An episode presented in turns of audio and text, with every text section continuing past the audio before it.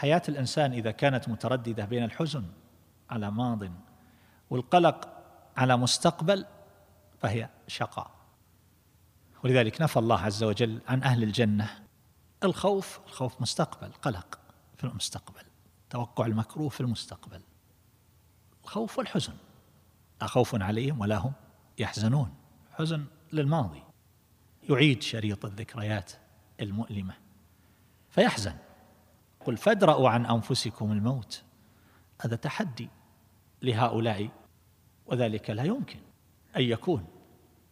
ادفعوه ادفعوا أسبابه حتى لا تموتوا. فهذا احتجاج عليهم ورد لمقولتهم. ومثل هذا الأصل ينبغي أن نتذكره دائما والا نغفل عنه فهو في غاية الأهمية. فهذا القرآن يعالج النفس من جميع جوانبها. ويطرد عنها كل ما يؤثر عليها سلبا. وهذا الفرق بين أهل الإيمان وأهل النفاق والكفار فأولئك لا عزاء لهم ولا إيمان ولا رجاء لفضل الله ورحمته ولا يعرفونه بأسمائه وصفاته ولا يؤمنون بقدره.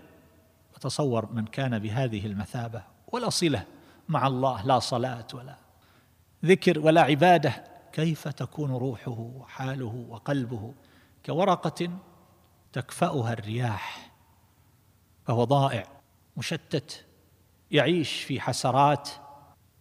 ومن أعرض عن ذكري فإن له معيشة ضنكا. هذا في الدنيا.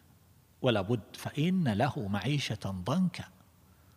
وبقدر هذا الإعراض يكون له من الضنك والمعيشة الضنك لأن الحكم المعلق على وصف يزيد بزيادته وينقص بنقصانه. بقدر الإعراض يكون للعبد من الضنك في معيشته. فإذا زاد زاد ضنكه وإذا خف خف ضنكه. هي هكذا المعادلة. ما تحتاج إلى طبيب نفسي ولا تحتاج إلى عقاقير ولا تحتاج إلى أخصائي. بهذه المعادلة الواضحة السهلة. الإعراض عن ذكر الله عز وجل يحصل للنفس التشتت والضياع والوحشة.